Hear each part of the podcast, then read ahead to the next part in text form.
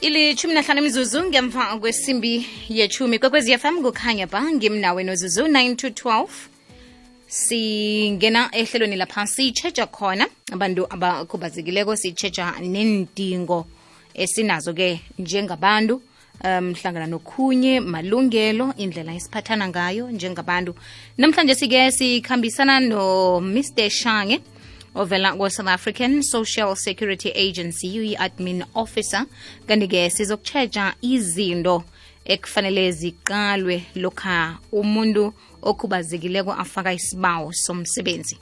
Babushange siyakulotshisa besiyathokoza bona ube nathi namhlanje emhatshweni ikwekwezi FM yebo eh ngiyabingelela kakhulu ngiyabonga.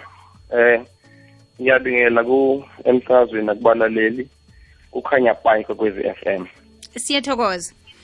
Babushange sicale lapha izinto ekufanele zitshejwe umuntu ofaka isibawo somsebenzi khulukhulu umuntu okhubazekileko. Um kokuthoma nakaza kufaka isibawo somsebenzi mhlambe vane athole njani ilwazi ngomsebenzi loyo? Um ngicela ukuphindela futhi sambuzo wakho. Ilwazi ngomsebenzi afaka isibawo kiwo um vane alithole njani? Mhlambe sithome lapho. Vane azi njani ngomsebenzi loyo? Kufanele umbuzo wakho angikuzwa kahle ngishawa ngicela ukuphindela futhi uthi umbu kufanele azi njani ngomsebenzi? Vane iye. Vane alithole nini njani ilwazi ngomsebenzi loyo awufunakho oh eh angitsho ufake i-application ufake i-application. Iye ngicabanga ukuthi akuhlukile kunomuntu ongakhubazekile. Mhlawumbe singamele siqale indaba yethu ku ku-general size sifike ku-specific.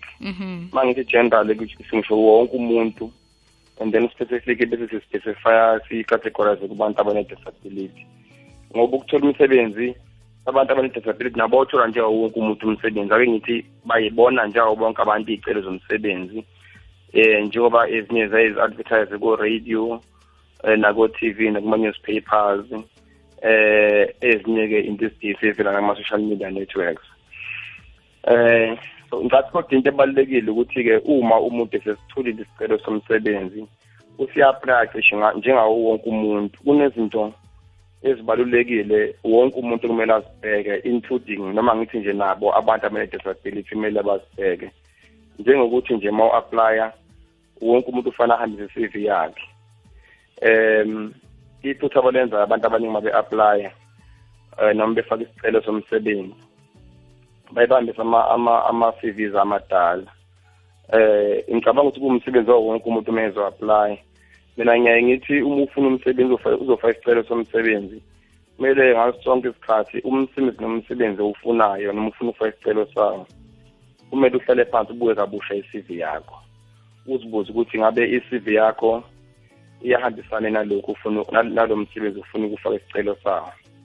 Ungathuli umuntu afake i-cv ayibhale eminyakeni ewu-six seven eight years edlule eh and awukwazi ukuthi kuyo yonke imisebenzi ufaka isicelo sayo em ungahambisa i-cv a1 efanayo. Akufanele kube kanjalo kodwa i-cv kumele ukuthi ibhalwe iqondane straight nalo nalo msebenzi ofuna ukufakela wona. Into yesibili engicathi kumele sibhekisise singabantu ukuthi i-cv yakho kumele ibe clean. Uma ngithi ibe clean ngisho ukuthi kumele ingabi nama-spelling mistakes ibe nama-spacings akahle ibe nama-phone size akahle into eyi-general nje abantu abaningi abangenaki uma befuna umsebenzi. Ngike ngibona abanye umuntu uma efake isicelo somsebenzi afake i-cv ebhale ama-capital letters. Kuye kube ingozi ngoba ikhompyutha uma usubhala ama-capital letters ayikwazi ukutshela ukuthi ukukhombisa ukuthi lapha ubhale i-spelling esi-wrong and ziyaba wrong kaningi iy'spelling zabantu uma sebebhala ukuthi-ke i-cv yakho mhlawumbe kumele uyithathe unikeze omunye umuntu akubukele ngeso lakhe yena ukuthi ngabe iyayenza yini umqondo ekwenzeni isense. Uma usufaka isicelo somsebenzi kumele uwazi umsebenzi owufunayo nomsebenzi owufaka isicelo sawo. Ngisho mhlawumbe namagama ukhena emajini uma kuthiwa ngi-apela umsebenzi kwikwekwezi f m. sengibhala i-spelling sekwekwezi f m wrong kusho ukuthi angiyazi kolero la engi-apela umsebenzi kuyona. So amaphutha ayayenzeka kubantu isikhathi esiningi. Athi mase sithi siba specific ke sesiwami nakubalaleli uma umuntu une-disability kubaluleke kakhulu ukuthi uma ufaka isicelo sakho. Ake ngithi nje mhlawumbe kwi-application package yakho noma kumaphepha akho okucela okufaka isicelo somsebenzi kubalulekile ukuthi ukhombise phela ukuthi wena une-disability and une-disability yani futhi ukuze umqashi azokwazi ukuthi maye phecelezi shortlista akwazi ukubhekelela iy'dingo zakho. Eh uveza kwi-CV yakho ukuthi unayo i-disability. Abantu abaningi baye bevezeka bane-disability kodwa futhi bengavezi ukuthi eyani i-disability. Uveza mhlawumbe u-apela kwa-government ukuthi mofa isicelo somsebenzi kwa-government ukuthi eh kwi-Z83 leli form lakhona number Z83 uveza kulona. Eh abaningi-ke okubalulekile abaye bekwenze ukuthi bathole incwadi kadokotela. Lokhu abathi doctors note. Okay mr shange akhe sithengise bese uza kubuya uragele phambili.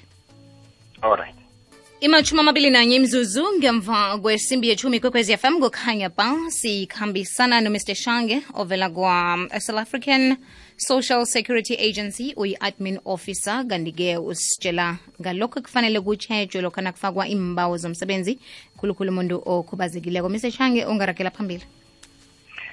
Um ngicela ukusho ukuthi ngiyi-practitioner for skills and development Eh ngokwelwazi nisithumele lona kunjalo kodwa kulungile ungaragela phambili ngoba okay it's okay. Right. Noma bengisasho sizuzu ukuthi ke eh ukuveza ukuthi uapplyela ini mhlambe kubaluleke ngani ukuveza ukuthi una una unahlobo lo disability umqashi ungakaqashwa usakwe interview kwamanye ama building noma kwezinye izakhiwo la usuku uhlala khona for i-interviews uthola ukuthi mhlawumbe uhamba nge-wheelchair awekho ama-rams lukhuphe ukufike la kule floor oya kuyona okune mhlawumbe ibhodroom ozoba khona ne-interview khona kwesinye isikhathi uthola ukuthi mhlawumbe um kunama-lift ayikho i-building accessible ayivumelani ne-disability yakho so uma ukuhlele kahle kwi-application yakho noma uma ufake isicelo ukuveze kahle ukuthi wena ukhubazeke ngani kuyakwenza umsebenzi ube lula for ama-employers ukuthi akulungiselele. Kanjalo futhi noma ususebenza kuye kube kuhle ukuthi bakulungiselele futhi iy'dingo zakho wenze kusheshe ubhekeleleke maqonda ney'dingo zakho ongahle uyidinge emsebenzini eh kuhambisana disability yakho. So abanye bengisathi-ke baye babhale kuye kube kuhle ukuthi umuntu afake incwadi kadokotela ezoveza ukuthi wena inkinga yakho awuboni noma uku-wheelchair noma unenkinga yokuzwa eh noma utho hlobo lomleka kodwa udokotela abhale incwadi bese uyifaka la the minute nje be shortlista. Sebeyabona ukuthi okay kunomuntu okulesi simo okanjena kanjena kanje kumele ukuthi simlungisele ngey'dingo ezikanje nakanje. Ngikuzwa kuhle. Bese isizo vane balithole njani? Ngoba ngiyakwizwa ukhuluma ngendaba uh ye-cv ukuthi umuntu kufanele update i-cv yakhe. Kodwana-ke um uh sinokuzwa inlilo eziningi zokuthi kuyabiza ukwenza i-cv manje simuntu naso sidake ne-cv leyo yakade usizwa ngibani njani? Yeah, again kuya ngokuthi um unahlobo luni le-disability um kodwa i-cv angiyazi kahle ingxenye yokubiza kwayo ukuthi yiphi. Sikhuluma ngokuyenza ibe khona siyibhale noma sikhuluma ngokuyiprinta yini. Um kodwa ukuyenza nje ekhompyutheni eh bakhona ama-institutions bakhona abantu abasizanayo ukwenza ama-cv nami at my personal level ngisiza abantu abaningi kakhulu ukuba kubenzela ama-cvs uh, free of charge. I must say akucharge umuntu. Kumenzela i-cv just a three four page CV eh ahlale naye. Ngoba enye into eyayibaluleke engithanda ukuthi ngiyikhulume kubantu ukuthi i-CV iphe amaphepha nje okufanele ukuthi ulenzisise kodwa ngoba lichaza ngawe ngobuwena. Uma hlulethi uhambisa i-CV engahlanzekile kumqashi uthumela isithombe laphana sokuthi wena umuntu ongahlanzekile umuntu ongahlelekile. So i-CV abantu uma u-aplela umsebenzi basuke bengakwazi wena siqu sakho. Kodwa bakwazi through yamaphepha la osukwalethile abizwe nge-cv eh lawo maphepha asuke erepresenta wena.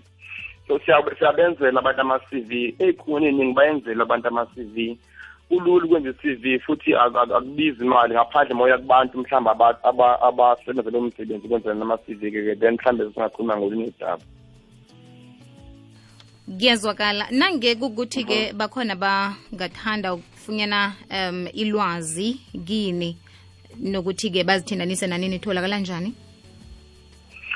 Mina ngikufacebook isikhathi esiningi kuphi eh Lucky Shange. Ngubani? Ya phi Lucky Shange. Eh ya. Okay ufacebook kwaphela? ngikufacebook uphi lucky kishange eh ngikutwitter nguphila kishange um ya abantu abanedesk basize khona lapho. But kuyakuvela ukuthi abantu ngizothini ngifuna ukuthi u- uma uapela umsebenzi umuntu okhubazekile. Ngicela ukugcizela ukuthi into abalulekile ukuthi umuntu azikhangisena nge-CV yakhe kuqala and then azazi iy'dingo zakhe. It's unfortunate siswami ukuthi ama ama ama employers esigabeni esikusona eSouth Africa awayi-understand kahle indaba yabantu abakhubazekile. Eh ngoba ekugcineni siyazi ukuthi eSouth Africa imisebenzi ayikho eh ne-corona ifike nje isimo saba worse kodwa lamathuba amancane akhona emisebenzi siyabagqugquzela abantu ukuthi mabe mabefaka iy'celo zabo beyifake iy'celo zabo zibe kahle and eh, bayimisele ukuthi beyithole leyo msebenzi emincane ekhona. Ngoba inkinga ekhona abantu abakhubazekile ngacishe ngisho ngithi abathatha serious kuma-organizations amaningi. Eh ngiyangibona ama-advertiser lana makuveza iy'celo zemisebenzi kuthiwa hayi abantu abane-disability nabo benga-aplya bayabagqugquzela ba-aplaye kodwa into into ebaluleke kakhulu ukuthi ababaqashi mhlawumbe ngayi-topic yolunye usuku lolu ukuthi why bengabaqashi why bengakholelwa kubona eh why bengabathathi serious noma sebebaqashile? Eh mawukhumbula kahle kunama kune percentage ethile ugovernment okwayibeke u2 percent ukuthi kumele ku at least i-company necompany ibe no2 percent or more. Kodwa ama companies ethu ahlulwa ke shina kuba nalo 2 percent lowo. So leyo nto iletha imibuzo eminingi ukuthi kahle kahle siyizwe laseningizimu afrika sithini ngabantu abakhubazekile nangokusebenza kwabo. Yinto njengoba nawubuza nje Mr Shange esazokuthoma ukwenzeka nithoma ukufunisisa namkha umkhanyo ukhona. Niyakhona ukubona ukuthi inkinga kuhle kuhle ikuphi? E, inkinga eh, kakhulukazi sisami ikubantu abase abaseyigondleni abaphethe kubaqashi.